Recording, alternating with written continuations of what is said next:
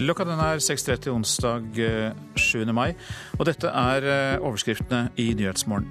Det blir streik i flyselskapet Norwegian, men foreløpig er bare én kabinansatt tatt ut i streik.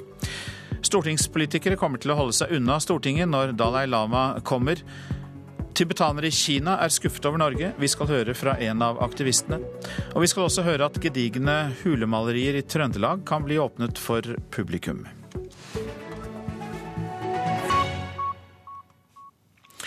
Det blir altså streik i Norwegian. Partene i meklingen eh, gikk fra hverandre litt etter klokka ett i natt.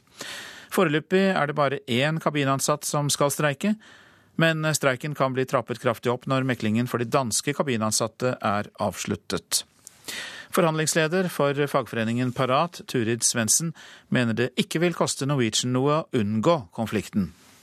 Årsaken til det er at uh, selskapet ikke viste noen som helst vilje til å imøtekomme våre krav. Uh, til tross for at disse ikke koster selskapet en krone eller ødelegger for noen av ekspansjonsplanene til Norwegian. Norwegian beklager på det sterkeste at det ikke var mulig å bli enige i meklinga med de kabintilsatte. Slik Norwegian ser det, var det to årsaker til konflikten.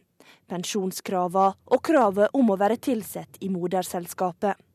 Kommunikasjonsrådgiver Anne Sissel Skånvik avviser at kravene fra de ansatte ikke ville koste noe. Definitivt. Den organiseringen som er beslutta av vårt styre i fjor, som går på at man skal ha et holdingselskap med et morselskap på toppen og datterselskap i operativ drift, det har store konsekvenser hvis man rokker ved den beslutningen. For det er danner grunnlaget eh, for at vi har finansieringen på flyene framover. Meklingsklimaet ble i går kveld forverra da ledelsen i flyselskapet sendte ut en SMS med trusler om å sette ut arbeidsplasser og andre negative konsekvenser for de ansatte. Nei, den hjalp jo ikke akkurat på.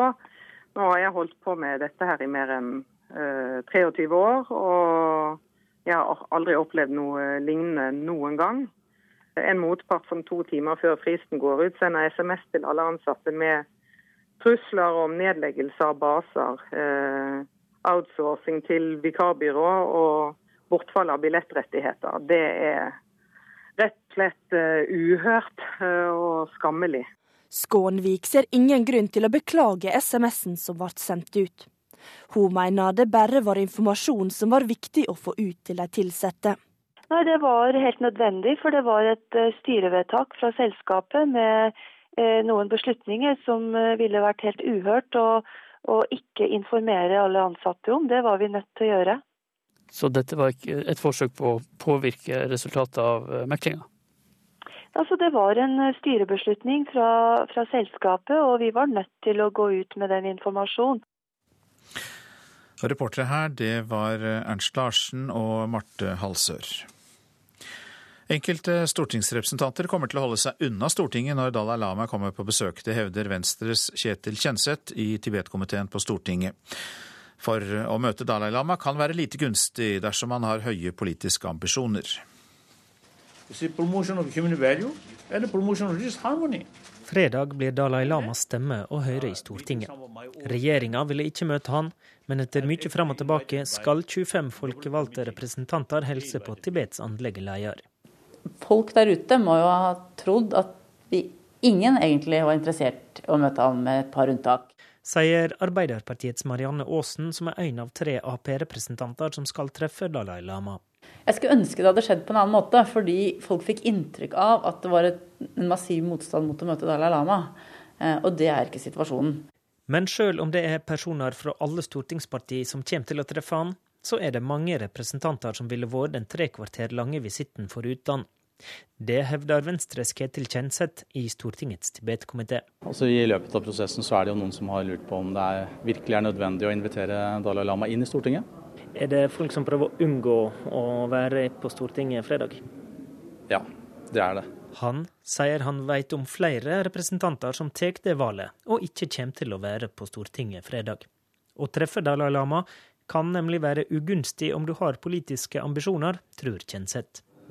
De med framtidige statsrådsambisjoner, enten er den ene eller andre sida, eh, og noen, noen, som føler at det her er blitt eh, håndtert eh, klønete, vil nok prøve å holde seg unna.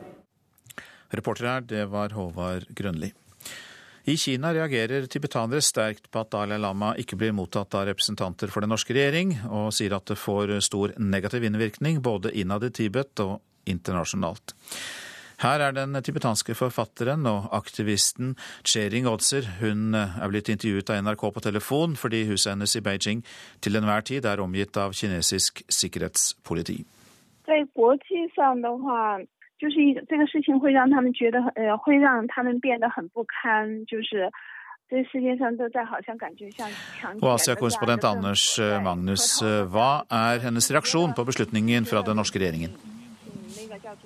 Ja, Hun sier jo at uh, denne beslutningen vil ha stor betydning fordi uh, tibetanere både i Kina og utenfor alltid har hatt så godt inntrykk av Norge, men at det inntrykket nå er ødelagt uh, og vil gjøre tibetanere veldig lei seg og skuffet, og det vil svekke deres kamp for, ikke for uavhengighet, men for autonomi.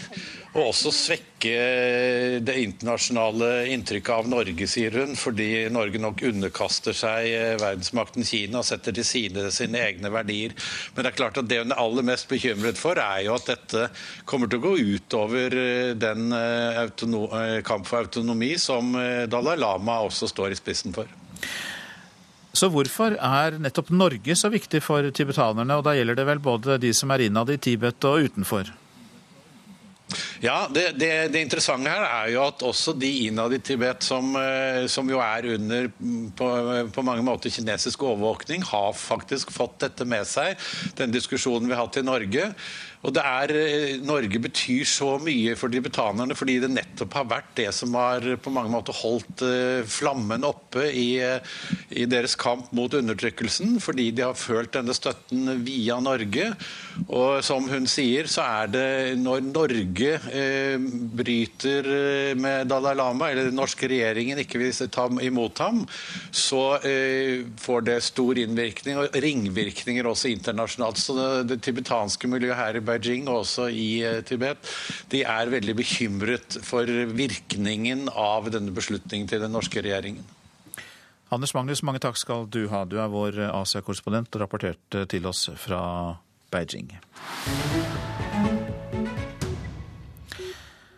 Justispolitikere applauderer de strenge dopingstraffene som ble ilagt i Sør-Trøndelag tingrett i går. De tiltalte fikk opptil sju års fengsel.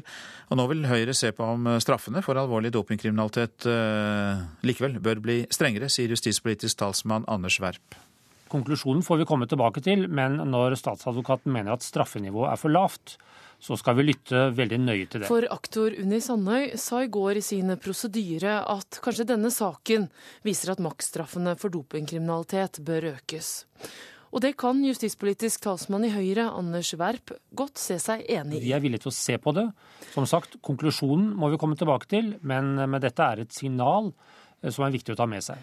I utgangspunktet så gir alvorlig dopingkriminalitet maks seks år i fengsel. Men dersom man har, som i saken i Trondheim, blitt dømt etter den såkalte mafiaparagrafen, altså at minst tre personer sammen har organisert ulovlighetene sine, da kan straffen økes ytterligere. Regelen er maks en dobling av straffen, allikevel ikke over fem år.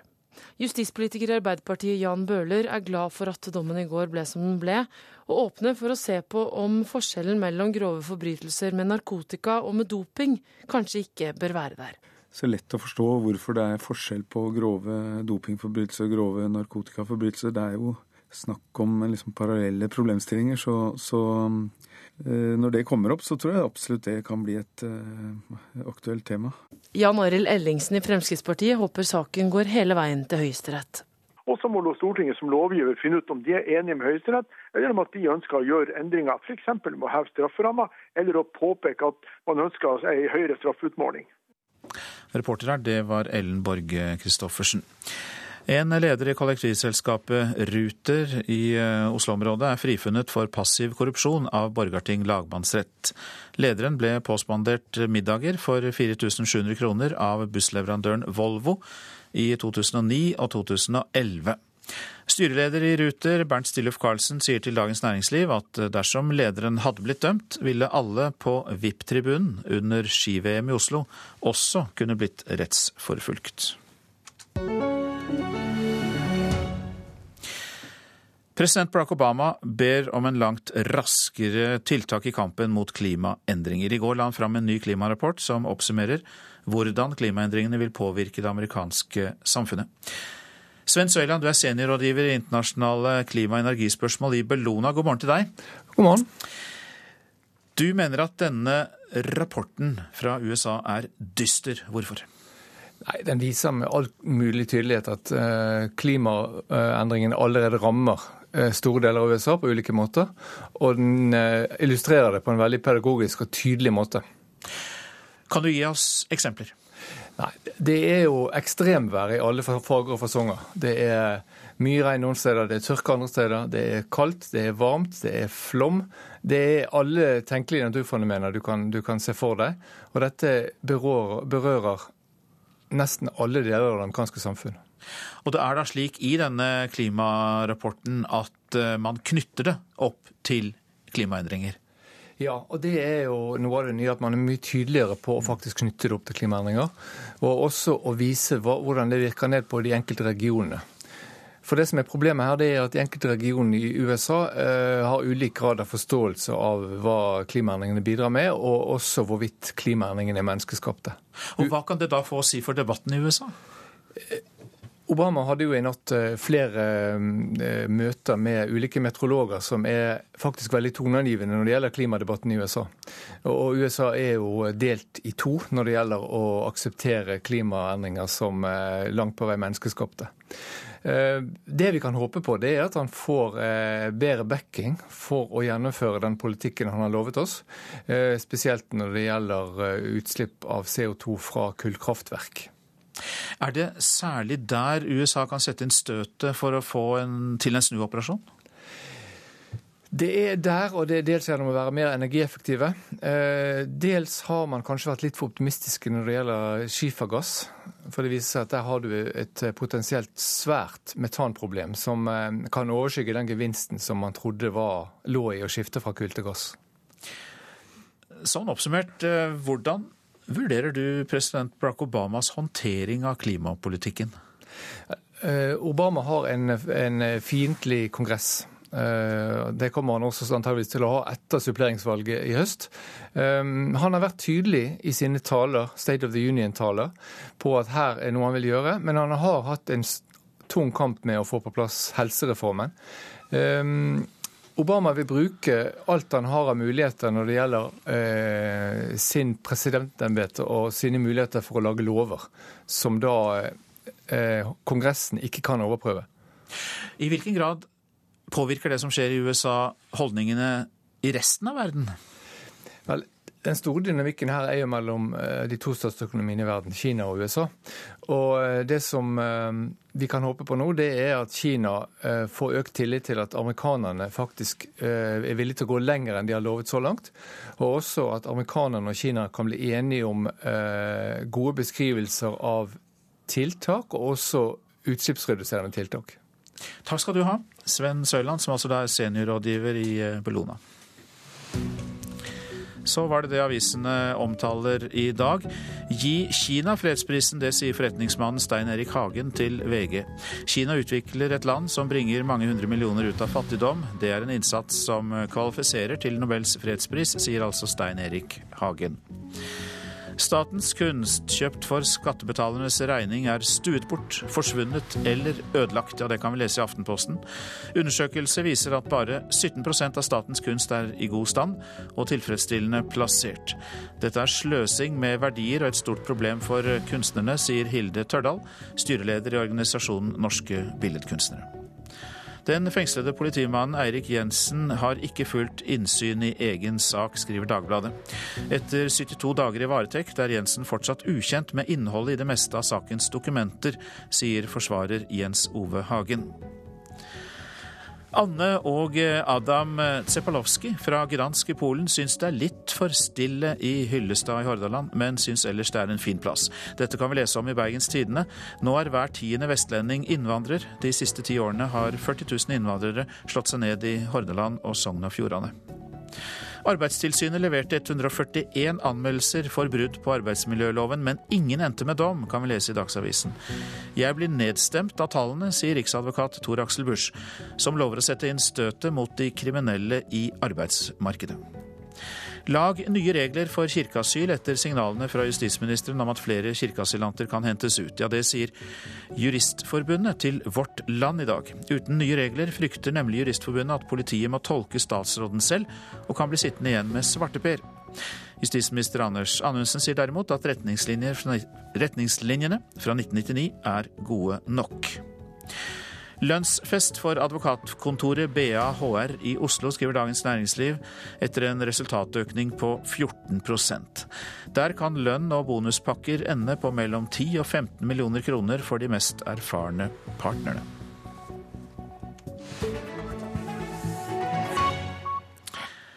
Det europeiske fotballforbundet Uefa kan takke seg selv for fotballens elleville pengeforbruk. Ja, det mener Kjetil K. Haugen, ekspert på sportsøkonomi.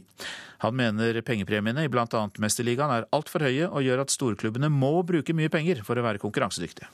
Det er jo fort snakk om en milliard kroner for en klubb å gå helt til finalespillet. Sant? Det er en pluss eller minus en Lionel Messi er snakk om det her. Enorme summer står på spill. Professoren ved Høgskolen i Molde mener de største klubbene blir tvunget til å bruke enorme summer på de beste spillerne for å være med i kappløpet om finalepengene. Eh, vår mening er jo at det er Uefa sjøl som har gjort, skapt problemene her ved å ha så ekstremt fristende premiepotter her. At det er en del av klubbene her som må legge seg på budsjetter som er så, så, så høye at de er avhengige f.eks. av å spille i Champions League. Uefa har forsøkt å begrense pengegaloppen i internasjonal fotball ved å innføre regler for hvor mye gjeld klubbene kan pådra seg. Haugen mener regelverket ikke har hensikt, og tror mange klubber bevisst bryter. Vi mistenker at klubbene prøver å unngå det her, at de prøver å jukse seg til det. Rett og slett fordi at, at eh, premiepotten som du er inne på er så stor. Så, så Løsningen her burde etter, etter, vår mening ikke være å, å introdusere en type reglement, heller gjøre noe med premiepottene. Det er størrelsen på premiepottene som skaper tatt av problemene her. Så Hvis man har fordelt inntektene litt mer søsterlig eller broderlig mellom klubbene eh, knytta f.eks. til Champions League-spill, så ville antagelig problemene blitt mye mindre. Reporter her, det var Tommy Barstein. Du lytter til Nyhetsmorgen, og klokka den går mot 6.48. Dette er eh, noen av våre hovedsaker i dag. Det blir streik i flyselskapet Norwegian, men foreløpig er bare én kabinansatt tatt ut i streik. Streiken kan bli trappet kraftig opp når meklingen for de danske Norwegian-ansatte er avsluttet. Stortingspolitikerne kommer til å holde seg unna, mange stortingspolitikere kommer til å holde seg unna Stortinget når Dalai Lama kommer. For det kan være lite gunstig for politikere med høye ambisjoner å møte ham. Det hevder Venstres Kjetil Kjenseth. Justispolitikere i flere partier applauderer de strenge dopingstraffene som ble ilagt i Sør-Trøndelag tingrett i går. De tiltalte fikk opptil sju års fengsel. Om litt så skal vi høre at gedigne hulemalerier i Trøndelag kan bli åpnet for publikum.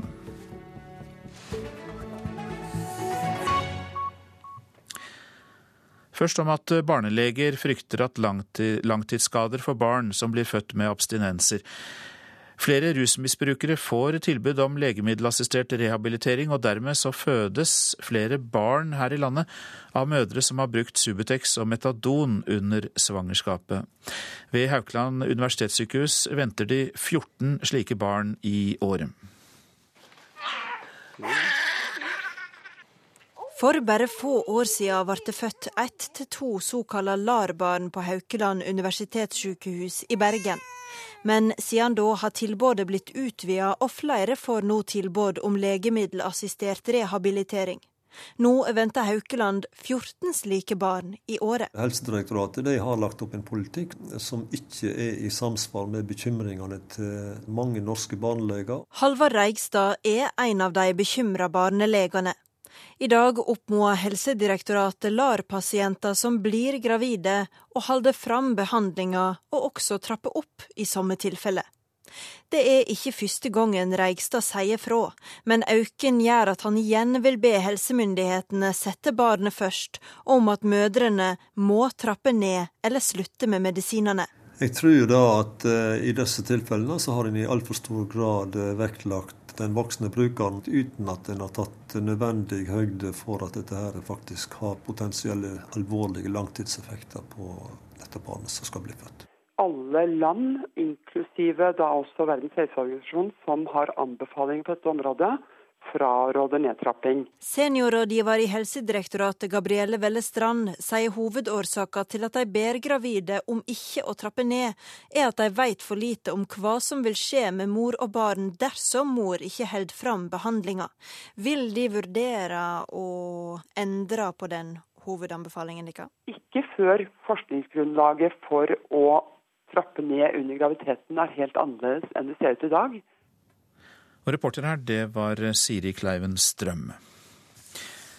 Fingalshula i Nærøy i Trøndelag har vært stengt i årevis, men nå jobbes det for å få åpnet denne kulturskatten for publikum. Med sine enorme dimensjoner og et stort antall eldgamle hulemalerier, så er Fingalshula en av de mest spektakulære grottene i Norden. Ja, altså den hula her, Fingalshula, den er faktisk meget spesielt. Det er den, så vidt jeg vet, den største i Nord-Europa. Hallo!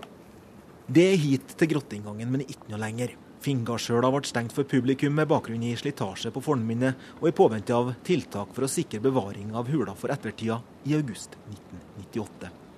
Nå er vi med distriktskonservator Anna Erhardt og lokalpatriot Kristina Dahl fra Gravik opp i den ville naturen her i Nærøy. Det har nå stått på stedet hvil med tanke på å få gjort noe, for det er mye sånne arkeologiske verdier som gjør at forvaltninga har sitt de skal si. Og så er det litt usikkert med grunnforhold og litt sånn. Så i mange år har vi jo prøvd å, å få å komme noe videre. Vi har laga skjøtselsplan bl.a. Og ja, det er mye som er gjort, men det, ting tar tid i det systemet. Altså. Å ha noe så matt med seg uten å få vist det frem, det må være litt eh, spesielt? Ja, det er frustrerende, rett og slett. Så det er bare å håpe at det kan skje noe nå når museet har engasjert seg. Og... For det kan ha store turistmessige verdier, f.eks. Fingardsjøla har ikke bare landets største samling med hulemalerier, men det er den mest dekorerte hulen i hele Nord-Europa. Det er registrert 48 malerier av mennesker og dyr som er mellom 3000 og 4000 år gamle her, forteller distriktskonservatoren. Så uh, det er en, virkelig en liten skatt, eller ikke så rent liten skatt faktisk, som vi har her. Anna, det spesielle, Du står her og snakker om Fingardsjøla. Du har sett alle figurene, men bare på bildet. Du har aldri vært ned her? Det er sant. Eh, det er jo sånn at Fylkeskommunen har stengt hula for allmennheten av sikkerhetshensyn. Og um, jeg har jo respektert det. Men så oppdager vi at stigen som for mange år siden ble dratt opp og låst fast til et tre pga. både maleriene og en mulig rasfare, er satt ned i hulen igjen. Noen har tatt seg til rette og tatt seg inn. Så det gjør vi også, for å ta en kikk på denne skatten av et kulturminne. Du, da ble det jammen så vi kom oss inn i hele en tur. Ja, dere er nå halvoffisielle medhjelpere på museet. Og da har vi nå vært veldig demokratisk og tatt et valg på at vi risikerer å gå ned og få hente opp stigen, rett og slett. Og få ta en kikk med samme av dette her, hva syns du? Og så kunne vi jo ikke tuse oss å ta en liten titt, men vi går ikke inn i den bakerste delen hvor det, det er, hvor det er for, for, stor fare til å komme bort i veggene og kunne skade. Så hvis vi går her bortover nå, så må du være med, Anna. Og hvis du ser her nå, hva tenker du da? Se her. Ja, det er faktisk yndlingsmaleriet mitt, som vi ser nå. Eh, da ser vi den i rødt. Et menneske. Veldig godt synlig. Veldig godt bevart. Det er, Se, det er fin, ja. Oi, oi, oi. Vi må være veldig forsiktige her, ikke vi kommer borti dem. Kristina, hva du synes du om å, å se her? Jeg får noen assosiasjoner til katedraler. Altså, det er jo en slags naturkatedral. Altså. Det er så vanskelig å altså, En sak er det sånn museer sånn småmuseer ved husmannstid. Sånn gamle, vi blir jo imponert over senger, 200 gamle senger. Jeg sitter og kikker på ting som folk har gjort for 3000-4000 år siden. Det har det vært litt av en dag, det? Ja, det vært noe litt mer trim enn jeg trodde. Men det var jo fantastisk opplevelse. Ja, det sa distriktskonservator Anna Erhardt ved museet Midt, i, som har Namdal som sitt ansvarsområde. Og reporter her, det var Kjartan Trana. Det har vakt oppsikt at redaktøren i motebladet Costume har gitt 18 sider med spalteplass til en god venninnes bikinikolleksjon. Og I går gjorde generalsekretær Kjersti Løken Stavrum i Norsk Presseforbund klart at hun vurderer å klage Costume inn for pressens faglige utvalg. Motebladene er verstinger til å blande sammen redaksjonelt innhold og reklame. Ja, det sier en tidligere Moteblad-medarbeider. Jeg føler at når man holder på i den greia der, så blir du ikke tatt på alvor. Det blir en liksom flau bismak eh, eh, koblet til det å være feminin, da. Sier eh, Madeleine Schultz, tidligere medarbeider i flere norske moteblad, og nå redaktør for det feministiske tidsskriftet Under arbeid. I Dagsrevyen i går hørte vi at bladet Kostym kan bli klaga inn for PFU. Grunnen er at Jenny Skavlan, god venninne av redaktør Vanessa Rudjord, har fått 18 siders spalteplass til sin nye bikinikolleksjon.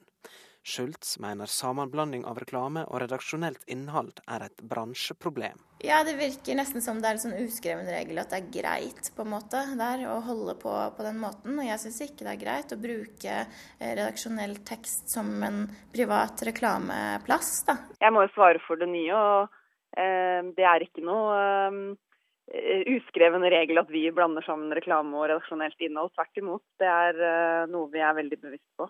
Det sier redaktør i motebladet Det Nye, Mari Midtstigen. Hun er ikke samd i at kvinnemagasiner som sjanger har et problem. I vårt forlag så er det i hvert fall en klar holdning på at vi skal følge Vær varsom-plakaten og tekstreklameplakaten. Så det er noe vi jobber etter hver dag. Det er viktig at publikum eh, enkelt kan se hva som er reklame og hva som er redaksjonelt innhold.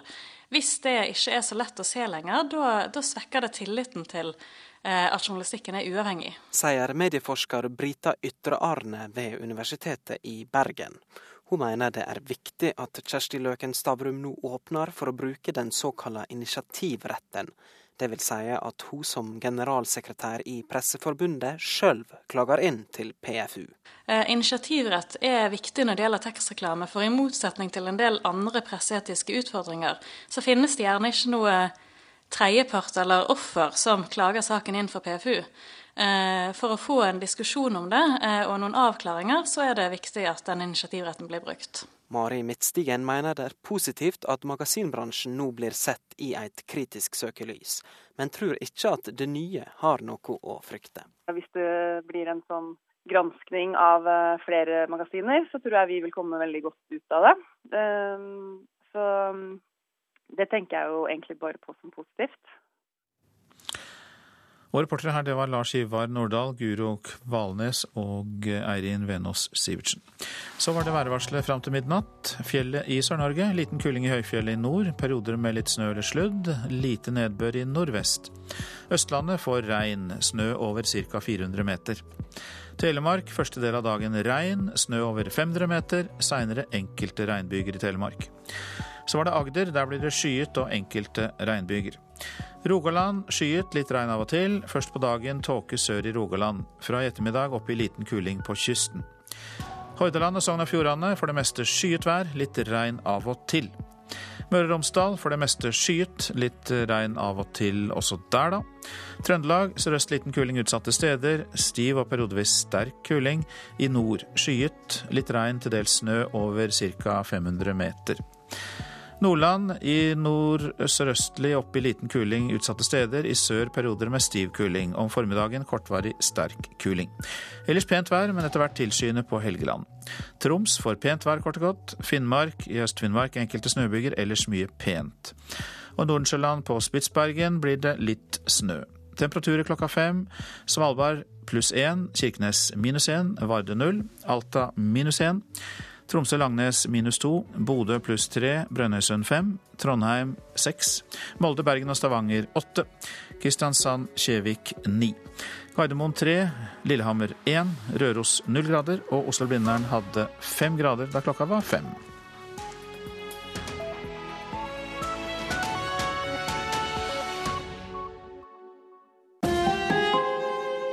Hør ekko.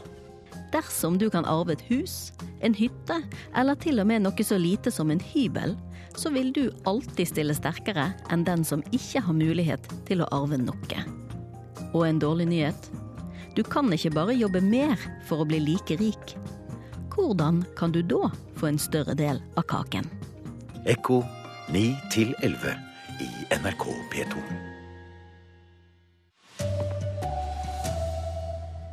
Tekstmelding fra Norwegian to timer før meklingsfristen gikk ut, satte sinna i kok hos de ansatte i flyselskapet.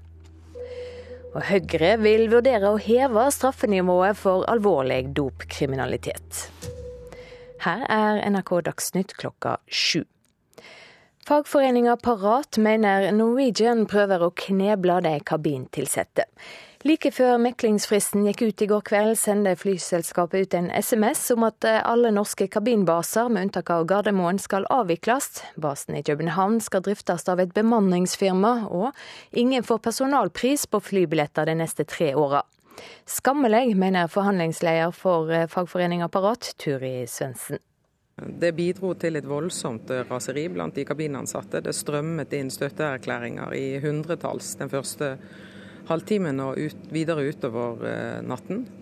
Vi leser dette som et forsøk på å kneble de kabinansatte og hindre dem i å bruke et helt lovlig virkemiddel, nemlig streikeretten. Flyselskapet ser ingen grunn til å beklage tekstmeldinga, og sier dette var informasjon det var viktig å få ut til de ansatte. Meklinga mellom Norwegian og de kabintilsatte ble brutt i natt, og det er nå streik, men all flytrafikk går likevel som normalt.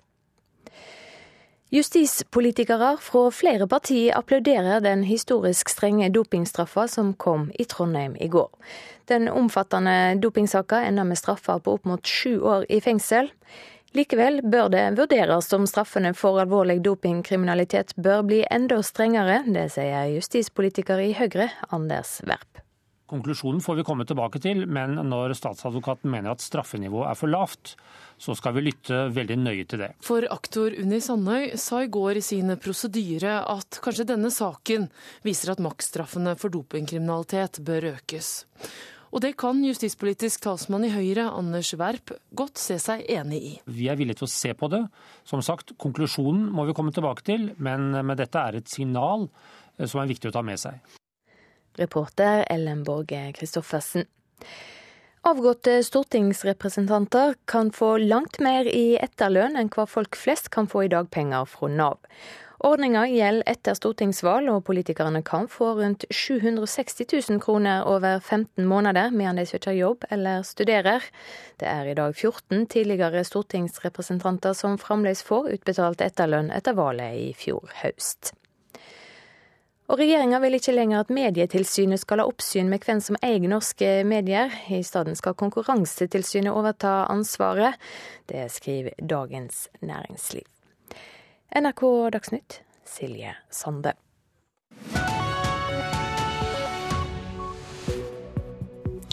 Nyhetsmorgen fortsetter med mer om at avgåtte stortingsrepresentanter uten jobb har bedre støtteordninger enn folk flest. Blokkering av meierier og slakterier planlegges av bønder dersom det blir brudd i landbruksforhandlingene. USA vil hjelpe Nigeria med å finne bortførte skolejenter. Og vi skal også snakke om valget i Sør-Afrika i dag. Og jazzfest i, i Trondheim, det får vi også plass til. Ja, Avgåtte stortingsrepresentanter uten jobb har en rausere støtteordning enn andre arbeidsløse, som vi hørte i Dagsnytt. Ekspolitikere kan få rundt 760 000 kroner i etterlønn over 15 måneder. Og det er langt mer enn folk flest kan få i dagpenger fra Nav. Jeg tenker at flere folk syns at det er urettferdig. Sier stortingsrepresentant Karin Andersen fra SV. At Stortinget som bestemmer regler som eh, andre folk som mister jobben må følge, at vi bestemmer at våre ordninger skal være bedre enn det. Det tror jeg mange syns er urettferdig. Hun mener Navs tilbud burde være godt nok, også for ekspolitikere. Ja, hvis det er godt nok for andre som mister jobben, så må det jo være godt nok for stortingspolitikere òg. Vi har jo sjøl bestemt det. Og jeg er i mange diskusjoner der det handler om at eh, man frykter at folk skal velge trygd framfor arbeid. Og da må vi jo være minst like strenge med oss sjøl som med andre. Stortingspolitikere som går av etter valg og ikke har jobb, kan få full lønn i tre måneder. Deretter kan de søke om etterlønn i opptil ett år, på 66% av lønna. Med dagens stortingslønn kan de da få utbetalt over 760 000 kroner. Maks utbetaling av dagpenger fra Nav ville vært 400 000. De kan dessuten velge å studere, noe som ikke er mulig for dagpengemottakere. Stortingspresident Olemic Thommessen synes ordningen er rimelig. Når man har eh, bidratt gjennom eh, å ta på seg et verv for eh, det norske samfunnet, at vi da har ordninger som også hjelper dem tilbake igjen i en vanlig yrkessituasjon. Ordningen ble strammet inn for noen år siden, og Thommessen synes ikke den nå er spesielt raus. Jeg synes nok det at Når man ser stortingsrepresentantene inn i forhold til hvordan mange andre grupper har det, så er ikke dette spesielt eh, ekstravagant. Det er ikke store fallskjermer eh, over lang tid vi snakker om. Han peker på at det for mange kan være tøft å finne tilbake til arbeidslivet. Det kan tidligere SV-politiker Hallgeir Langeland skrive under på. Han er en av de 14 som fortsatt får utbetalt etterlønn etter valget i fjor høst. Ja, Det var mye verre enn jeg trodde. Jeg har søkt mange jobber, men jeg har ikke fått de. Så jeg driver og leser meg opp på skolestoff igjen for å gå tilbake til skolen som, hvis jeg ikke får noe annet i august. Nå har han flere søknader inne og håper på napp. For ham har ikke årene på Stortinget gitt noen uttelling i arbeidslivet foreløpig. Jeg har vært 16 år på tinget. Det trodde jeg skulle hjelpe meg til å få jobb som på en måte var litt mer i forhold til den realkompetansen som jeg har etter 16 år. Men det har altså ikke vist seg mulig så langt. Og Reportere her det var Katrin Hellesnes, Rima Iraki og Ellen Wiseth. God morgen til deg, Guri Larsen. God morgen. Du er direktør i Search and Select i Adecco Norge. Skal vi ta fatt i dette med Langeland med en gang, for det var jo det vi hørte til slutt her. Hva slags råd vil du gi han, du som eh, vet mye om dette med å skaffe seg jobb? Jeg tenker at eh, Langeland han er nødt til å mm, ta denne saken på samme måte som alle andre jobbsøkere. Det er å ta et skikkelig tak i CV-en sin og eh, se gjennom hvordan han, har, hvordan han formulerer og hvordan han kommuniserer den realkompetansen sin. At han får det tydelig og klart frem til eh, de potensielle arbeidsgiverne. Hørte du det, Langeland? Da tok vi den saken først, men la oss være generelle nå. Hvor ettertraktet er tidligere stortingsrepresentanter i arbeidslivet sånn generelt? Jeg tenker at Det er veldig vanskelig å si noe generelt rundt det. fordi eh, Stortingspolitikere de kommer i alle former og fasonger, og de har eh, veldig ulik bakgrunn. Du har alt fra lærere og sykepleiere til eh, jurister og ingeniører. Ehm, og Samtidig så har du noen har sittet på Stortinget i fire år, mens andre har som Langeland vært ute av det om vi kan kalle det ordinære arbeidslivet i opptil 16 år. Og verden har jo ikke akkurat stått eh, stille mens de har eh, vært på Stortinget. Nei, så da kan det jo være forståelig at man må ha noe etterlønn å gå på mens man eh, skriver om CV-en sin, da, som du sier. Hva har alderen for å, si for disse? Det, det, bør jo ikke ha noen ting å si, alder. Men det er klart at alder kombinert med det å ha vært ute fra sin regulære jobb, Eh, det er ikke noe positivt i seg selv. Eh, avhengig av om man klarer å bruke og frem eh, og bruke den kompetansen man har opparbeida gjennom det arbeidet man har på Stortinget. Hva er det arbeidsgivere kanskje verdsetter spesielt da med den kompetansen stortingspolitikere har? Ja, Det kommer igjen an på hvilken jobb de eh, søker. Men eh, som stortingspolitiker så tror jeg at eh, folk flest vi, vi, er ikke veldig innforstått med hva den jobben egentlig går ut på. Vi ser en stortingssal som er mer eller mindre tom til tider. Og vi kjenner ikke til alt det arbeidet de gjør i komiteer, den jobben de gjør ute mot media. Så det, det, er mye, det er mye her som er ukjent for folk flest. Og partitilhørighet, spiller det inn på noen måte? Nei, det skal jo ikke spille noen ting inn. Det er jo ulovlig i Norge, det. Nei, Men tror du at det gjør det likevel? Nei, jeg tror ikke at partitilhørighet som sådan spiller inn. Eh, men det er klart at eh, stortingspolitikere har jo ulik grad av medieeksponering, og det tror jeg kan være på godt og vondt, da. Hvis du til slutt skal, skal synse litt om dette med etterlønn sammenlignet med Navs eh, tilbud, hvilke tanker gjør du deg om det du hørte i dette innslaget? Jeg må si at jeg har ikke så lyst til å kommentere akkurat det med etterlønn og stortingspolitikere. Det er det en annen arbeidsgiver som må ta seg av. Da sier vi det sånn. Mange takk skal du ha, Guri Larsen. Du er direktør i Search and Select i Adecco Norge. Takk skal du ha. Takk, takk. Blokader av meierier og slakterier og en protestmønstring i Oslo. Det blir planlagt av bønder her i landet dersom det blir brudd i årets jordbruksforhandlinger. Sauebonde Magnar Juklestad er fortvilet over tilbudet fra staten. Ja, Min hovedreaksjon er jo nærmest at vi, vi ser på det nesten som uh, uvirkelig. Dette er mye verre enn vi trodde. Medan bøndene som gruppe har opplevd brukbar lønnsøkning de siste åra, blir det i årets tilbud fra staten i stor grad lagt opp til at bare de store brukene skal få en økning. Små sau- og mjølkebruk kring om i distriktene vil hovedsakelig oppleve stagnasjon eller nedgang i inntekter. Magnar Juklestad fra Årdal i Jølster, som har om lag 30 lammesauer, vil få reduserte inntekter. Det verste med tilbudet er jo det at de gjennom endringer i tilskuddssystemet tar fra de små og gir til de store. Ingen representanter fra bondeorganisasjonene vil uttale seg om hva aksjoner som kan bli aktuelle, men etter det NRK kjenner til, vil det bli omfattende protestaksjoner dersom det blir brudd i landbruksforhandlingene. Blokader av store meieri- og slakteanlegg skal være under planlegging.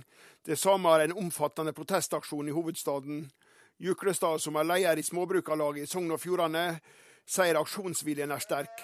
Ja, altså Hvis ikke han er sterk nå, så blir han aldri sterk. Departementsråd i Landbruksdepartementet Leif Forsell forsvarer tilbudet fra staten. Statens tilbud prioriterer å legge til rette for økt matproduksjon. Det skjer ved at vi prioriterer bønder som driver matproduksjon i et større omfang. Heller ikke Geir Støfring i en nabobygd i Jølster, som driver en stor samdriftsfjøs med en mjølkekvote på 500 000 liter, er fornøyd med årets tilbud fra staten. Her er det lagt opp til at den skal bli stor. Dette vil slå ut veldig i distriktene. Men eh, Støfring, det har en, eh, en, stor samdrift på eh, rundt 500 000 liter, og i statens tilbud så blir det de store bøndene prioritert. Vil ikke dette være en fordel for dere?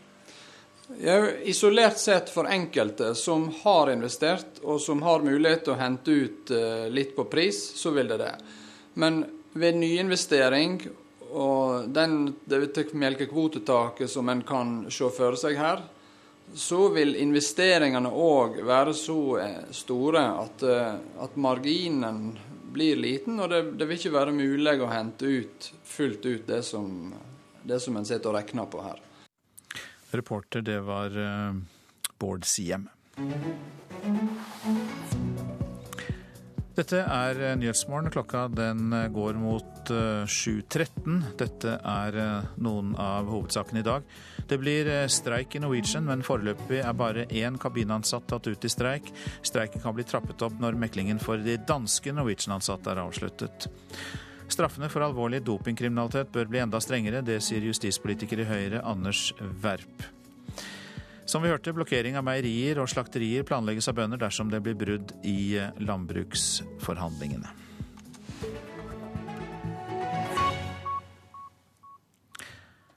Nigeria sier ja til hjelp fra USA for å finne de bortførte skolejentene. Saken har fått bred dekning i USA, som nå reagerer med å sende et kriseteam og eh, full oppmerksomhet fra øverste politisk hold. We've always identified them as one of the worst uh, local or regional terrorist organizations there is out there. Uh, but I can only imagine what the parents are going through. So what we've done is we have offered det er en av de verste regionale terrororganisasjonene, og jeg kan bare forestille meg hva foreldrene går gjennom nå, sier president Barack Obama til NBC. Han har to døtre på 12 og 15 år. På kort sikt vil USA hjelpe Nigeria med å hente tilbake de unge kvinnene. På lengre sikt må vi se hvordan vi håndterer organisasjoner som dette, som kan være så ødeleggende for folks liv, sier presidenten om Boko Haram. We're also going to have to deal with the, the broader problem of, of organizations like this that uh, Uh, you know, can cause such havoc in people's day-to-day lives. Massebortføringen i Nigeria var tema da Obama møtte sin toppdiplomat i går kveld. Our embassy in Abuja is prepared to form a coordination cell that could provide expertise on intelligence, investigations, Utenriksminister John Kerry sier at USAs ambassade i Nigeria blir hovedkvarteret for et ekspertteam med politi og militærfolk. Amerikanerne skal bidra med etterretning og jakt på den ytterliggående gruppa Boko Haram, som truer med å selge nær 300 skolejenter som slaver. Det amerikanske kriseteamet, som spesialiserer seg på etterforskning av bortføringer, står også klart til å forhandle og hjelpe ofrene, sier Kerry. Uh, USA har fra dag én hatt løpende kontakt med myndighetene i Nigeria, ifølge Kerry, og nå har landets president takket ja til tilbudet om assistanse. Boko Haram, som betyr vestlig utdanning, er synd, bortførte skolejentene i midten av april. 276 er fortsatt i fangenskap, mens 53 har klart å rømme, ifølge nyhetsbyrået Ap, som har tallene fra nigeriansk politi. Den ytterliggående islamistgruppa sier at den vil angripe flere skoler. Massebortføringen i Nigeria dominerer også nyhetsbildet her i USA, og presset har økt de siste dagene for å hjelpe til med å finne jentene. Boko Haram har vært på amerikanernes radar i lengre tid, men etterretningen om hvor skolejentene er, eller hvordan de blir holdt fanget, er mangelfull, ifølge tjenestemenn Reuters har snakket med. Det er uklart i hvilken grad amerikanerne kan kaste mer lys over saken, og det er dessuten utfordringer knyttet til tillit og utveksling av opplysninger mellom de to landene, ifølge nyhetsbyrået. We remain deeply concerned about the welfare of these young And we want to provide whatever assistance is possible in order to help uh, for their safe return to their families. I første omgang er det tekniske fagfolk amerikanerne bidrar med. Det er foreløpig ikke aktuelt å sende spesialstyrker for å jakte på Boko Haram. Anders Tvegård, Washington. Og Vi legger til at uh, også den britiske regjeringen vurderer å sende spesialsoldater for å finne skolejentene i Nigeria. Det opplyser regjeringskilder til avisa The Guardian. I dag er det valg i Sør-Afrika. ANC har styrt landet i 20 år fra apartheid ble avskaffet og Mandela ble president. 25 millioner velgere kan stemme på 29 partier. Men eh, det store spørsmålet er hva skandalene rundt president Zuma får å si.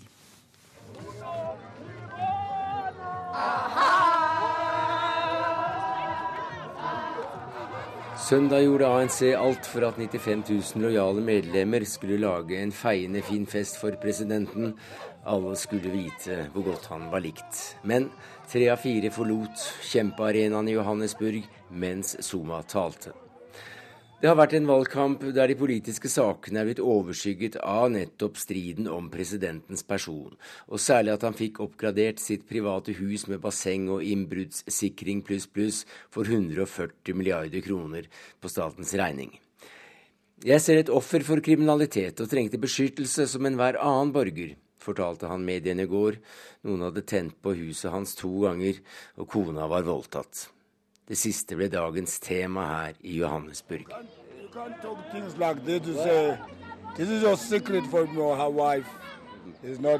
Du kan ikke gå til avisene og si at kona di er blitt voldtatt. Det er ikke bra.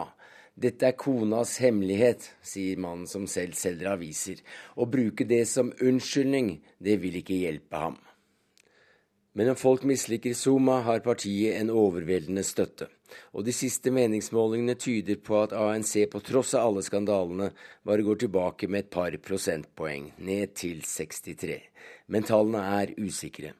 De fleste regner med at den største forandringen uansett blir at det politiske landskapet utvides med det nye partiet EFF, de økonomisk frihetskjemperne, og at de kommer inn i parlamentet og blir landets tredje største parti. Lederen heter Julius Malema og betegnes av sine egne som øverstkommanderende. Partiets general heter Napoleon og lover lavtlønte 100% lønnsøkning. Finansieringen er grei, sier generalen. To, to, to, to take the land back. Land? Nationalize the mines. Okay. Yes. Uh, and to, take the, to nationalize the banks. Vi skal ta tilbake jorda og nasjonalisere bankene og gruveindustrien uten kompensasjon, og det straks. Ja, reporter var Sverre Tom Radøy, som er NRKs kommende Afrikakorrespondent.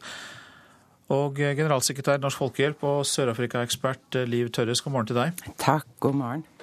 Ja, alle forventer jo at ANC vinner valget, og at Jakob eh, Zuma fortsetter, trass i at det er folk som viser sin misnøye mot Zuma. da. Mm. Hvorfor klarer han det? For det første så skal vi ha med oss at ANC som parti har sterk støtte. Det har med frigjøringskampen, historien, å gjøre.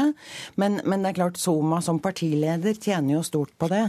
Det er den kandidaten, presidentkandidaten ANC har akkurat nå. Jeg tror vel at kampen om ledelse i ANC starter etter valget, men akkurat nå så er det Jacob Zuma, og han tjener på at ANC fortsatt er liksom det bærende partiet. Men så er det jo da skyhøy fattigdom fortsatt. Det er arbeidsledighet, korrupsjon, som vi hørte her. Sosial uro. Massevis som politikerne burde rydde opp i. og Burde man ikke da også kanskje tenke seg at noen ville velge et annet parti? Vi skal ha med oss at ANC for veldig mange fortsatt er synonymt med frigjøring, med kampen mot apartheid. Det er det som i dag forklarer eh, at folk stemmer på ANC. Det, og at folk mener at det finnes ikke noe legitimt alternativ. Jeg tenker jo at eh, Economic Freedom Fighters er et interessant parti, for å si det sånn, i, i denne sammenhengen. Første konkurrenten til ANC på venstresiden. Ikke veldig legitime med, med rette, vil noen si. De eh, er ikke akkurat eh, spydspissen i en demokratisk utvikling. Men det snakkes jo også om nå etableringen av et nytt parti etter valget på venstresiden, med utgangspunkt i fagbevegelsen, og da de gruppene som sto for anti-apartheid-kampen internt. Det vil gjøre at ANC etter valget står overfor en helt annen situasjon.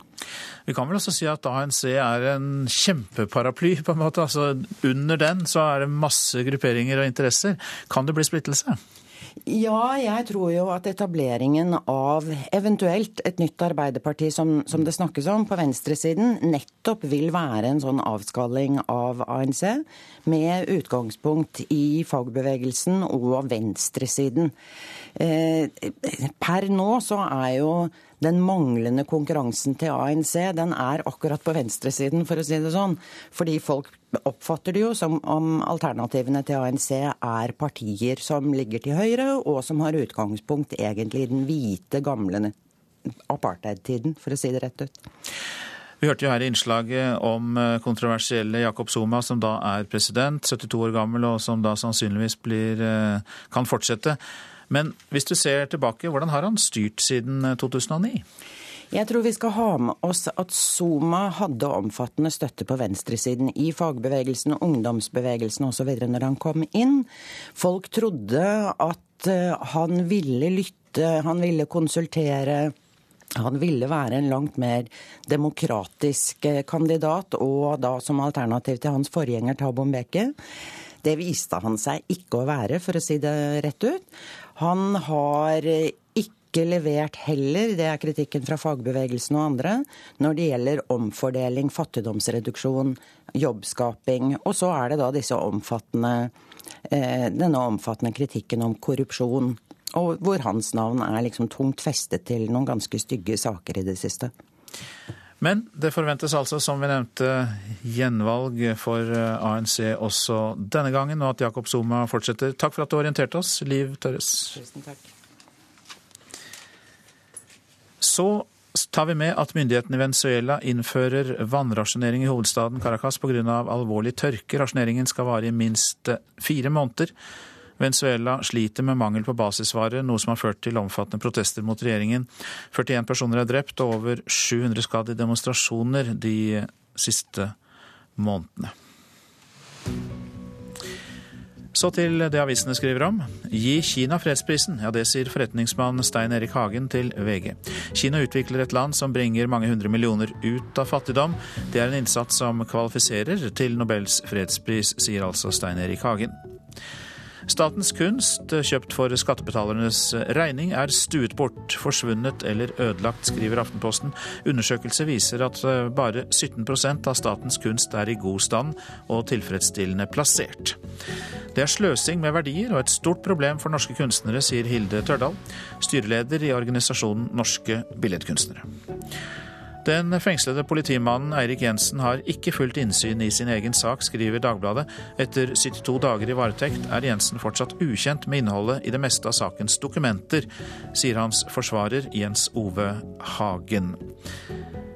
Anne og Adam Tserpalowski fra Gdansk i Polen syns det er litt for stille i Hyllestad i Hordaland, men syns ellers det er en fin plass. Dette kan vi lese om i Bergens Tidende. Nå er hver tiende vestlending innvandrer. De siste ti årene har 40 000 innvandrere slått seg ned i Hordaland og Sogn og Fjordane. Arbeidstilsynet leverte 141 anmeldelser for brudd på arbeidsmiljøloven, men ingen endte med dom. Det kan vi lese i Dagsavisen. Jeg blir nedstemt av tallene, sier riksadvokat Tor Aksel Busch, som lover å sette inn støtet mot de kriminelle i arbeidsmarkedet. Lag nye regler for kirkeasyl etter signalene fra justisministeren om at flere kirkeasylanter kan hentes ut. Ja, det sier Juristforbundet til Vårt Land. Uten nye regler frykter nemlig Juristforbundet at politiet må tolke statsråden selv og kan bli sittende igjen med svarteper. Justisminister Anders Anundsen sier på sin side at retningslinjene fra 1999 er gode nok. Lønnsfest for advokatkontoret BAHR i Oslo, skriver Dagens Næringsliv, etter en resultatøkning på 14% Der kan lønn og bonuspakker ende på mellom 10 og 15 millioner kroner for de mest erfarne partnerne.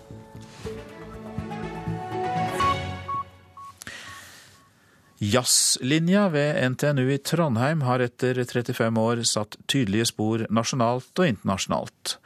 Nå feires de på jazzfest i Trondheim. En forholdsvis liten jazzfestival, men med tradisjoner og tyngde. De byr på stjerner, verdenspremierer, og jazzlinjas fedre er med. Gamle Louis er stille nå stille som en stjerne.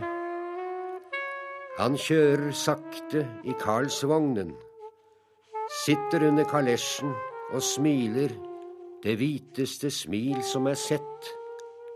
In the blues. Bjørn Altraug, internasjonalt kjent bassist, spilt med flere av jazzens legender, professor emeritus ved NTNU, stikkord improvisasjon og en av grunnleggerne av jazzlinja. Du gir deg ikke? Nei, jeg syns det har vært fantastisk nå i, i, som pensjonist å virkelig kjenne ungdommens kraft komme tilbake. For å bruke det. Når du sier grunnleggende, så var det jo Terje Bjørklund som, eh, som grunnla den, for ikke at det skal være noe tvil om det. Men eh, jeg var nå med helt fra begynnelsen, da. Melding fra en trist delfin, for å si det på norsk, kling her. Det høres litt sørgmodig ut. Hva du vil fortelle? Jeg er ganske, en ganske deprimerende fyr. Så, nei, men det er sant, jeg er veldig melankolsk og kanskje romantisk. Er du der i det bestillingsverket som skal framføres for første gang? Nei, det, det vil, man vil merke at det er litt tungsinn, men jeg tror det er ganske mye morsomt også inni det her.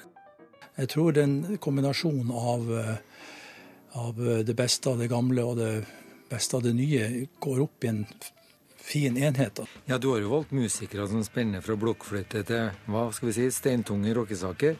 Hvordan kommer det til å bli det? da? Jo, det var spesielt. Det er jo valgt ut dette for at det skal representere et mangfold, og at eh, ettersom alle sjangre nå er falt, så syns jeg det er veldig greit å bruke musikere fra forskjellige tradisjoner og se hva vi kan tilføye hverandre. Det blir jo veldig spennende. Vi møtes jo, vi har jo aldri spilt sammen som gruppe her før, og vi møtes jo på dagen før og skal på en måte få det her sammen. Trondheim Jazzorkester er internasjonalt berømt. De leverer et bestillingsverk. Du gjør det. En annen jazzlinjefar, eller kanskje den egentlige, egentlig faren, ja. Terje Bjørklund leverer bestillingsverk. Jazzlinjas første avgangsstudent Frode Alnes leverer på gitar med deg og på Rockheim. Hva forteller det om jazzlinja på NTNU? Det er klart at Jazzlinja har vært en utrolig viktig kulturell faktor i Trondheim. her, og og jeg håper jo at eh, Det virker jo som at både publikum og også myndigheter og på både nasjonalt plan og ikke minst internasjonalt ser nå hvilken fantastisk jobb som er gjort gjennom årene her. Og de, de som holder på nå, gjør en fremragende jobb. Trodde du det i starten for 35 år siden? Um, det var jo så nytt og rart. Vi holdt jo på og spilte, ikke sant? tenkte ikke så mye over hva i all verden skal det her bli. Og jazz var jo på den tida ganske rart for de fleste. Og Terje Bjørklund kan fortelle om ganske rare ting om han ikke fikk lov til å spille på pianoene, og det var ganske strenge saker. Så jazz var jo overhodet ikke akseptert som en musikk som man tok inn i akademia, i hvert fall.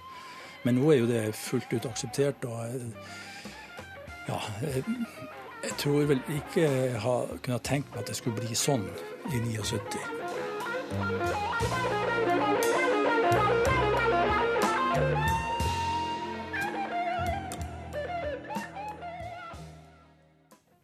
Den reportasjen var laget av eh, Lars-Erik Skjærseth. Prosent for Nyhetsmorgen, Vidar Eidhammer. Her i studio, Øystein eh, Heggen. I reportasjen etter Dagsnytt så kan du høre hvilke land som konkurrerer om å kunne skryte av at de har verdens høyeste bygning. Kjell Magne Bondevik kommer til Politisk kvarter for å snakke om Dalai Lamas besøk. Og eh, jordbruksoppgjøret skal også debatteres der, av representanter fra Fremskrittspartiet, Senterpartiet og Arbeiderpartiet. Det brenner jo overalt. Ser ut som det kan være en buss, altså. Er du der det skjer, når det skjer? Du kan bidra med viktige nyheter. Send oss ditt nyhetstips, bilder og video til NRK 03030.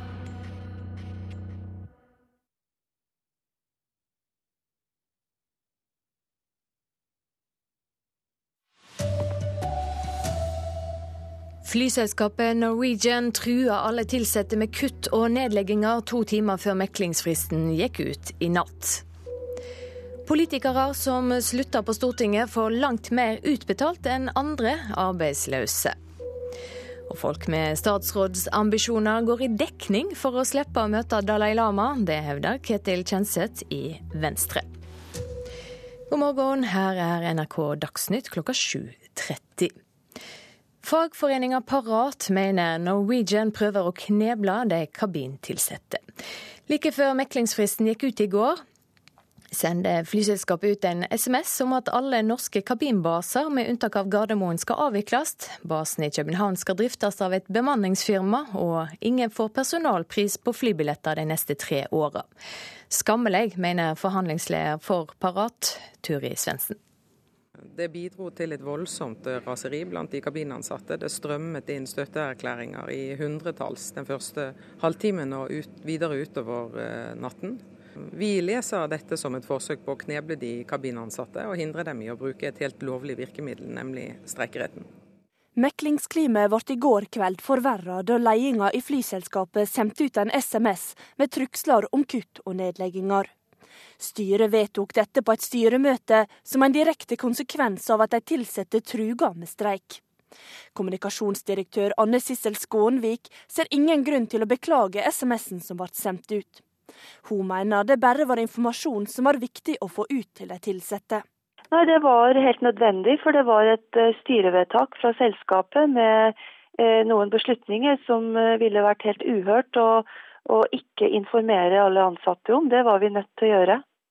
Norwegian mener det var umulig å innfri pensjonskravene til de ansatte og kravet om å være ansatt i moderselskapet. Parat mener det ikke ville koste Norwegian noe å unngå konflikten. Arbeidsgiver ikke viste noen vilje til å komme oss i møte på våre hovedkrav. Eh, og Det til tross for at ikke de koster en krone, og ikke hindrer noe av den ekspansjonen som Kjos sier han er avhengig av. Så for oss er det vanskelig å forstå. Ja, Norwegian-meklinga ble bråten i natt, og det er nå strek. All flytrafikk går likevel som normalt. Reporter Marte Halsør. Avgåtte stortingsrepresentanter som står uten jobb, har en langt bedre støtteordning enn andre arbeidsløse. Ekspolitikerne kan innkassere rundt 760 000 kroner i etterlønn over 15 måneder. De kan også velge å studere med lønn fra Stortinget. Også politikere som har sagt nei til attval, kan nyte godt av ordninga. Jeg tenker at flere folk syns at det er urettferdig. Sier stortingsrepresentant Karin Andersen fra SV. At Stortinget som bestemmer regler som eh, andre folk som mister jobben må følge. At vi bestemmer at våre ordninger skal være bedre enn det. Det tror jeg mange syns er urettferdig. Stortingspolitikere som går av etter valg og ikke har jobb, kan få full lønn i tre måneder. Deretter kan de søke om etterlønn i opptil ett år på 66 av lønna. Til sammen kan de få utbetalt drøye 350 000 kroner mer enn det som ville vært maksutbetaling av dagpenger fra Nav. Stortingspresident Olemic Thommessen synes ordningen er rimelig. Når man har eh, bidratt gjennom eh, å ta på seg et verv for eh, det norske samfunnet, at vi da har eh, ordninger som også hjelper dem tilbake igjen i eh, en vanlig yrkessituasjon. Han peker på at det for mange kan være tøft å finne tilbake til arbeidslivet. Det kan tidligere SV-politiker Hallgeir Langeland skrive under på. Han er en av de 14 som fortsatt får utbetalt etterlønn etter valget i fjor høst. Ja, Det var mye verre enn jeg trodde. Jeg har søkt mange jobber, men jeg har ikke fått de. Så jeg driver og leser meg opp på skolestoff igjen for å gå tilbake til skolen som, hvis jeg ikke får noe annet i august. Nå har han flere søknader inne og håper på napp. For ham har ikke årene på Stortinget gitt noen uttelling i arbeidslivet foreløpig. Jeg har vært 16 år på tinget. Det trodde jeg skulle hjelpe meg til å få jobb som på en måte var litt mer i forhold til den realkompetansen som jeg har etter 16 år. Men det har altså ikke vist seg mulig så langt. Karin Andersen vet også godt at det ikke alltid er lett å få jobb. Men sånn tror jeg også det kan være for mange andre som mister jobben. Reportasjen var laga av Katrin Hellesnes, Rima Iroki og Ellen Wiseth. Nigeria sier ja til å få hjelp fra USA for å finne de over 200 skolejentene som er bortførte av islamister. USA sender militære og politifolk som er eksperter på etterforsking av bortføringer og forhandlinger. President Barack Obama kaller situasjonen hjerteskjærende og fordømmer de som står bak bortføringa, den islamistiske gruppa Boko Haram. We've always identified them as one of the worst uh, local or regional terrorist organizations there is out there. Uh, but I can only imagine what the parents are going through. So what we've done is we have offered det er en av de verste regionale terrororganisasjonene, og jeg kan bare forestille meg hva foreldrene går gjennom nå, sier president Barack Obama til NBC. Han har to døtre på 12 og 15 år. På kort sikt vil USA hjelpe Nigeria med å hente tilbake de unge kvinnene. På lengre sikt må vi se hvordan vi håndterer organisasjoner som dette, som kan være så ødeleggende for folks liv, sier presidenten om Boko Haram. We're also going to have to deal with the, broader problem of, of organizations Uh, you know, can cause such havoc in people's day-to-day -day lives. Massebordføringen i Nigeria var tema da Obama møtte sin toppdiplomat i går kveld. Our embassy in Abuja is prepared to form a coordination cell that could provide expertise on intelligence, investigations, Utenriksminister John Kerry sier at USAs ambassade i Nigeria blir hovedkvarteret for et ekspertteam med politi og militærfolk. Amerikanerne skal bidra med etterretning og jakt på den ytterliggående gruppa Boko Haram, som truer med å selge nær 300 skolejenter som slaver. Anders Tvegård, Washington. Og Ifølge avisa The Guardian vurderer den britiske regjeringa å sende spesialsoldater og overvåkingsfly til Nigeria for å finne jentene. Her hjemme kommer enkelte stortingsrepresentanter til å holde seg unna Stortinget når Dalai Lama kommer på besøk der denne veka. Det hevder Venstres Ketil Kjenseth i Tibet-komiteen på Stortinget. Å møte Dalai Lama kan være ugunstig dersom en har høye politiske ambisjoner. Fredag blir Dalai Lamas stemme å høre i Stortinget.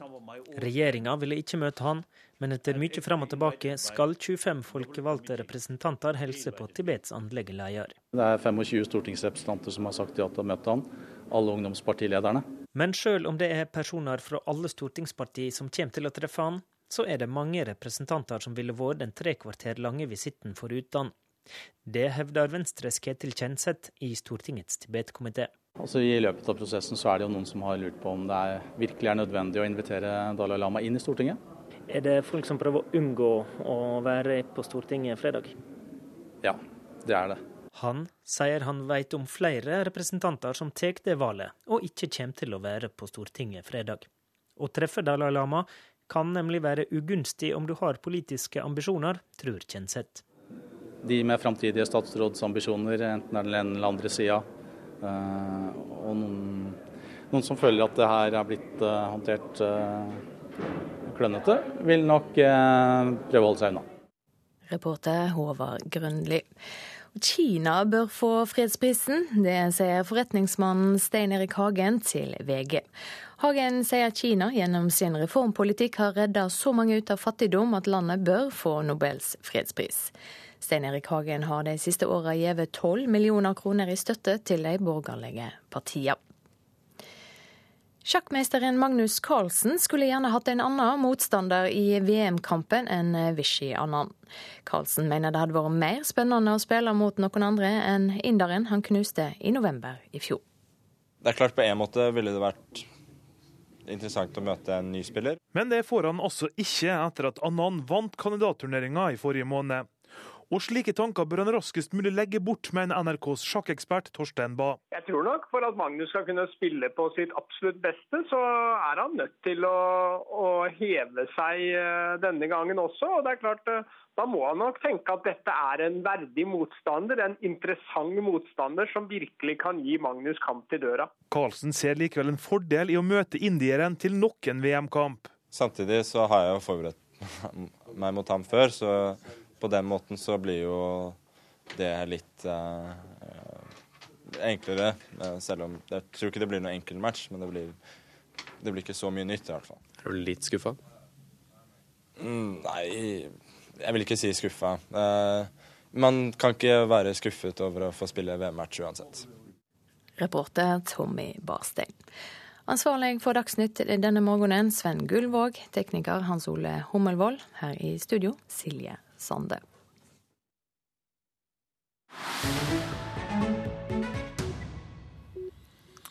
Dette er eh, Nyhetsmorgen. Saudi-Arabia planlegger å bygge verdens høyeste bygning. Det 1000 meter høye Kingdom Tower skal stå ferdig om eh, sju år. Nå er det Dubai som har verdens høyeste bygg, men eh, det er Egypt som har hatt denne rekorden lengst. Sissel Wold har mer om høyhus.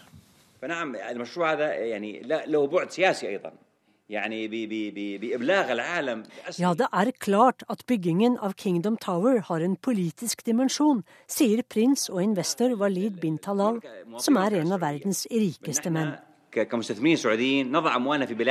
Vi bygger for å vise verden og borgerne av kongedømmet at vi saudiere investerer penger i vårt eget land, uansett hva som foregår rundt oss av uro og revolusjoner, sier prins Walid til Reuters.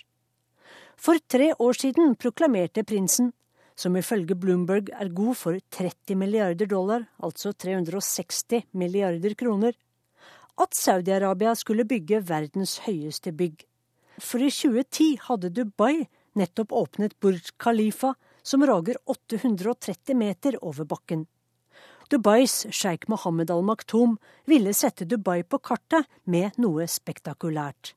Og det er uendelig fascinerende å fly innover mot Dubai og se Burj Khalifa stikke opp gjennom skyene, som en nål, et kunstverk som er tre ganger høyere enn mange av de andre høyhusene i Emiratet.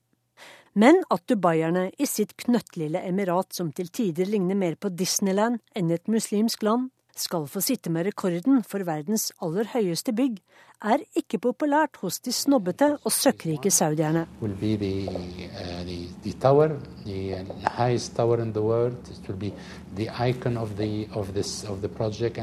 Verdens høyeste tårn skal bygges i Jeddah, og det skal bli både byens og kongedømmets ikon slår direktøren for Jeddah Economic Company, Munib Hamoud, fast. Uh, Og innen 2020 eller 2021 vil bygget være ferdig, gitt at markedet holder seg i ro, ifølge Hamoud. Arkitekt Adrian Smith må ha alle arkitekters drømmejobb, for han får virkelig boltre seg. Amerikaneren har tegnet Jin Mao Tower i Shanghai, som er på 420 meter, og Burj Khalifa på over 800, og nå skal han også tegne Kingdom Tower sammen med partneren Gordon Gill. I alle år har mennesket strebet mot himmelen, men egypterne var først og har holdt rekorden lengst. Det kan ingen ta fra dem. For fra 2600 år før Kristus til 1300 etter var Keops-pyramiden verdens høyeste menneskeskapte byggverk på da 146 meter. Først etter 4000 år ble pyramiden slått av den 160 meter høye Lincoln-katedralen i England. Og lenge tronet Eiffeltårnet øverst på listen, med sine 300 meter, men etter et intermesso med skyskrapere og TV-master i USA og Europa, er høyderekordene tilbake i den arabiske verden, og forblir der om Kingdom Tower blir bygget. Skyskraperen som skal rage én kilometer i høyden én kilometer. Og det er da vi tenker på de stakkars arbeiderne fra Nepal, Bangladesh og Filippinene som skal slite og slave under solen i 50 varmegrader for å få dette bygget opp og stå. Og for at oljerike Saudi-Arabia skal skinne. Saudi-Arabia har et meget dårlig rykte for sin behandling av tjenere, sjåfører og ikke minst av fremmedarbeidere. Skal Kingdom Tower glitre i ørkensolen, bør det være uten for mange blodflekker.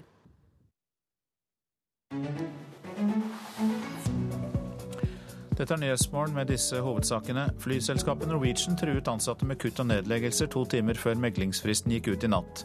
Norwegian beklager ikke og sier det var informasjon det var viktig å få ut. Det er formelt sett streik i Norwegian etter bruddet i meklingen, men det får ingen virkning for flytrafikken.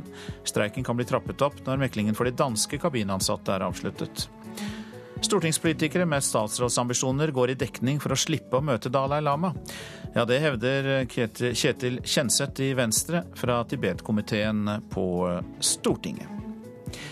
Og nå gjør vi klart for Politisk kvarter her i Nyhetsmorgen.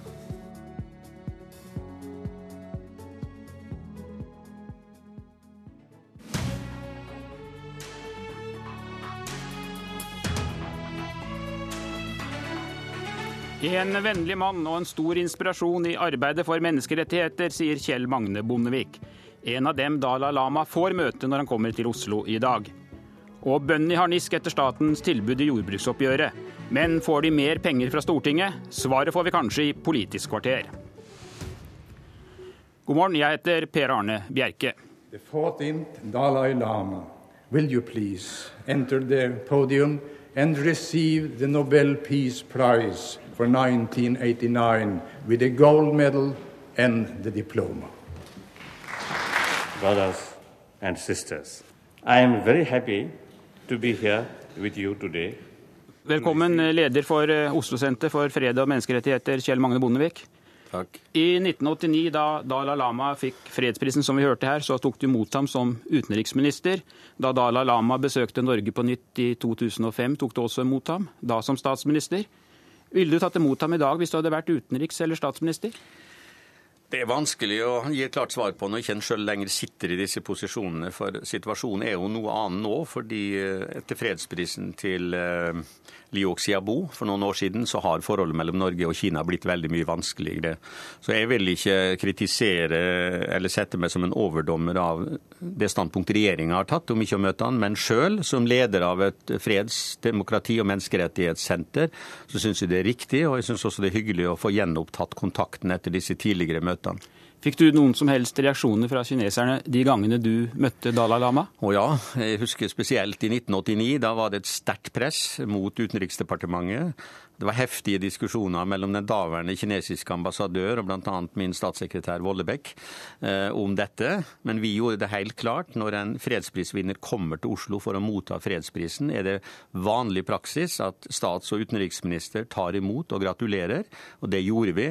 Og det ga ikke noen langvarig skadevirkning på forholdet mellom Kina og Norge. Men nå skal det altså kineserne har kommet med krav om at regjeringen ikke skal kunne gratulere en fredsprisvinner som Kina ikke liker. Hva syns du om det? Nei, Det er jo et helt uhørt krav. Eh, den norske statsminister må selvsagt foreta sin selvstendige vurdering. Ingen andre skal diktere eh, hvem hun eh, gratulerer. Og noe av faren selvsagt ved det som har skjedd i den senere tid, er jo hvis Kina skulle fått økt tro på at de kan presse andre land, og et lite land som Norge, til å gjøre ting vi ikke ønsker. Og Den tvilen må eh, fjernes. Og så synes jeg i tillegg det er viktig at eh, Dalai Lama, som er en fredens, gledens mann, eh, tas imot på en verdig og varm måte i Norge. Og det vil jeg sjøl gjerne være med å bidra til ved et arrangement på Eidsvolls plass i formiddag og ved å møte han. Ja, men Betyr det du sier nå at du mener at Erna Solberg hun bør ikke ta hensyn til dette kravet fra kineserne om ikke å gratulere en fredsprisvinner? Nei, det tror jeg ikke hun kommer til å ta hensyn til. Eh, jeg merka jo sjøl det at hun sa det i går, at hun avgjør sjøl hvem hun eh, gratulerer. Eh, og det har jo vært vanlig praksis, selv om det ikke er en automatikk i at norske statsministre har funnet grunn til å gratulere Nobels fredsprisvinnere. Ja, Hun bør jo kanskje lytte til deg. Du var jo sjefen hennes da du var statsminister. Ja, hun var det, og hun var en veldig god statsråd. og Jeg syns også hun har gjort det godt som statsminister. Eh, du har kalt Dalai Lama en stor inspirasjon i arbeidet for menneskerettigheter. Hvordan vil du ellers beskrive ham? Han har et veldig enkelt budskap, nemlig at mennesket er skapt til glede. Og at glede får vi ved å vise medfølelse og empati med andre. Og så syns jeg også det er interessant at Dalai Lama viser at religion har et sterkt fredspotensial, mens det jo dessverre i noen tilfeller har blitt misbrukt til å forsterke konflikter. Så vil han snu det og bruke religionspotensialet til eh, fred og forsoning, også ved å skape økt kunnskap om andres eh, tro. Og Dette var jo også noe av de grunnene som Nobelkomiteen i 1989 hadde for å gi han fredsprisen. Men eh, han eh, arbeider for fred og menneskeretter, som du sier. Men likevel så skaper altså hans besøk eh, betydelig bråk. Ikke bare her i landet, men også i Danmark. Og ser vi ikke det nå, at små land faktisk da gir etter for press fra en stormakt som Kina? Jo, og det, må, jeg skjønner jo godt at en ønsker å opprettholde politiske forbindelser med Kina. og De har jo vært frosne nå etter fredsprisen til Liu Xiaobo for Norges vedkommende. og Det har også avskåret Norge fra å føre en menneskerettighetsdialog med Kina. Det er selvsagt det dilemmaet regjeringen har, og dette ønsker en å bidra til å gjenopprette. Eh, hvorvidt det å avstå fra å møte Dalai Lama gjør det, det er jo jeg i tvil om. På den annen side kan en si at hadde de gjort det, så kunne de ha frosset disse forbindelsene i enda flere år.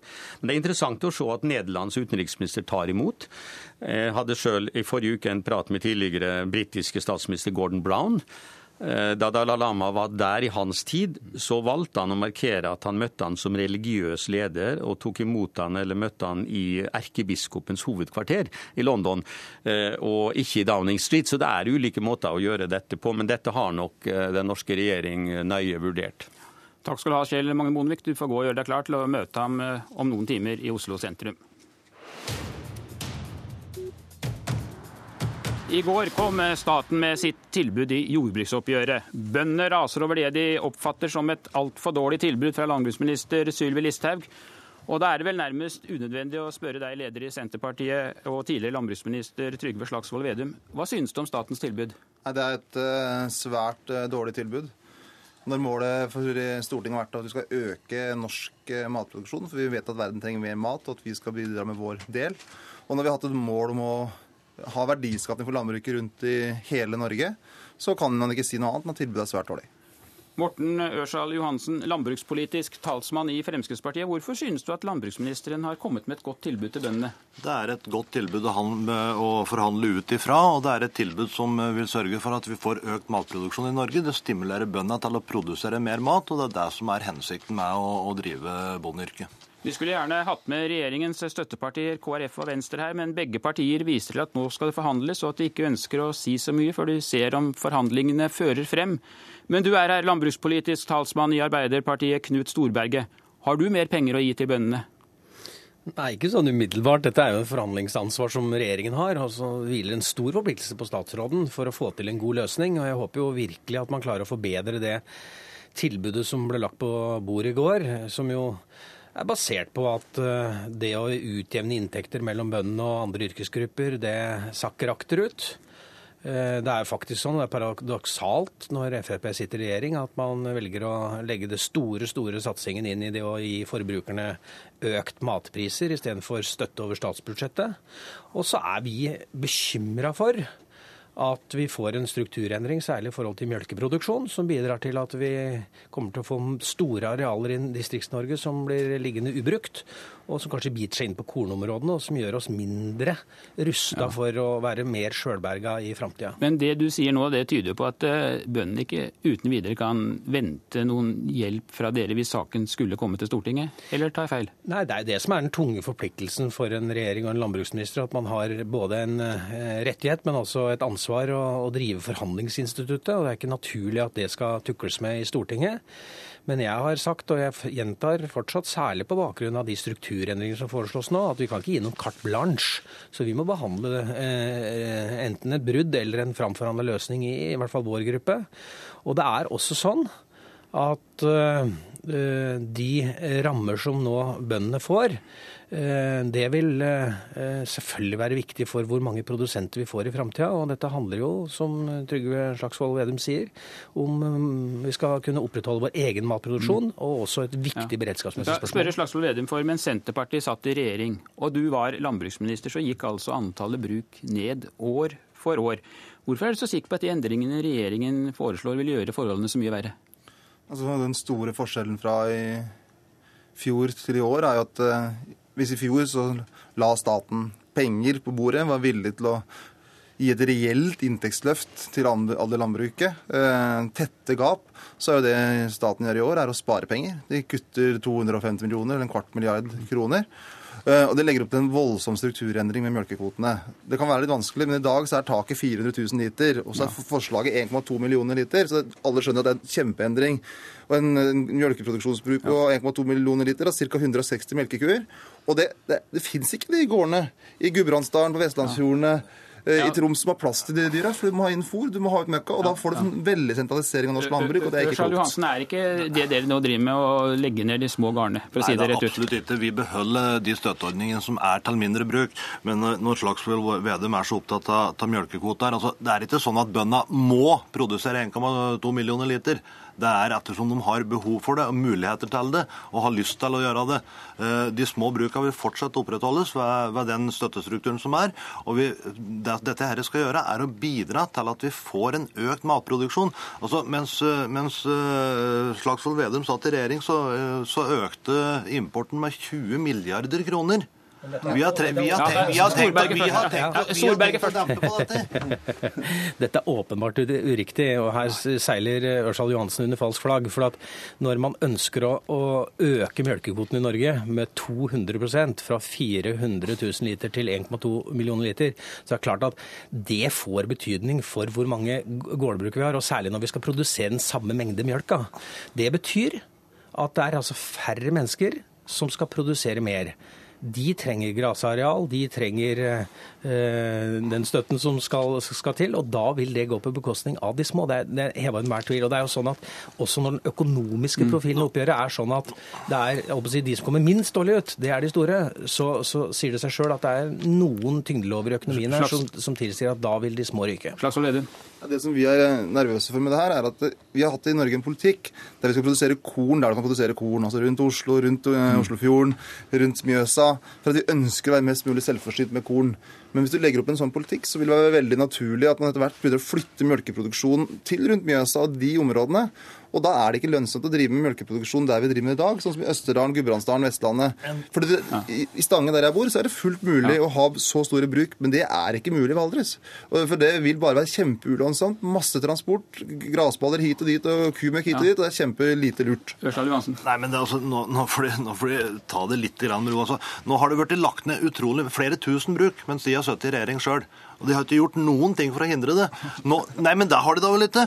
Nå ønsker vi å gjøre en del endringer for å se om det virker, og det er jeg helt sikker på virker. Vi ønsker å få økt produksjon. Samtidig så går vi inn og sier at flere skal få mulighet til å være heltidsbønder, og så går vi og ser på avbyråkratiseringa. De sier at vi ikke legger penger på bordet. Nei, men det er mange andre tiltak vi gjør for å stimulere til økt, produksjon. Og spørsmålet er skal vi produsere mer mat, eller skal vi ha flere det, bønder? så ligger det jo 14 milliarder der fra før, Slagsvold Ja, Vedum. men først at vi, hvis vi ikke har gjort noen ting, da får du reise til for eksempel til EU-kommisjonen og spørre om de syns at den rød-grønne regjeringa ikke gjorde noen ting når vi forbedra tollvernet. De, de var ganske uenige. Og så er det ganske rart, han sier med forenkling. For hva ligger i forslaget? Jo, det ligger bl.a. at det ikke skal være produksjonsplikt lenger.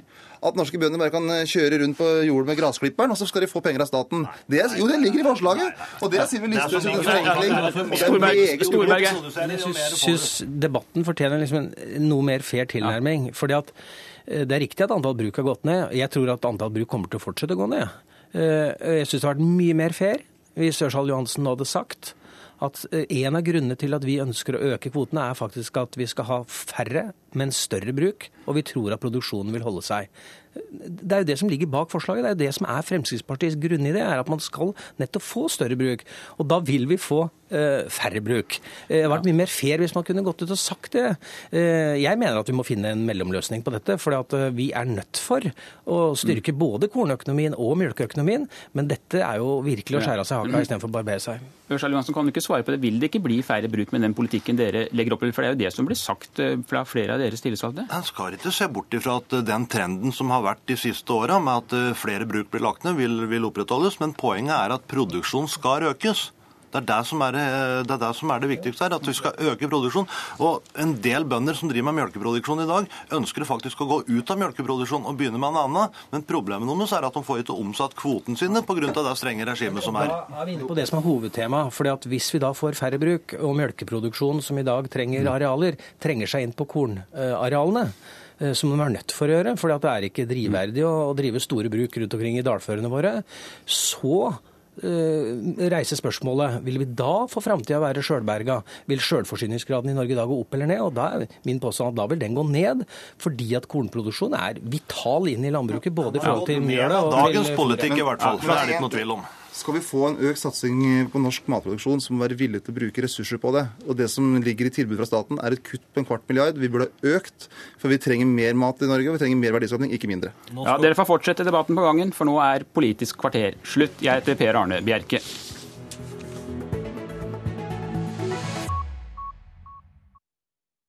Hør flere podkaster på nrk.no podkast.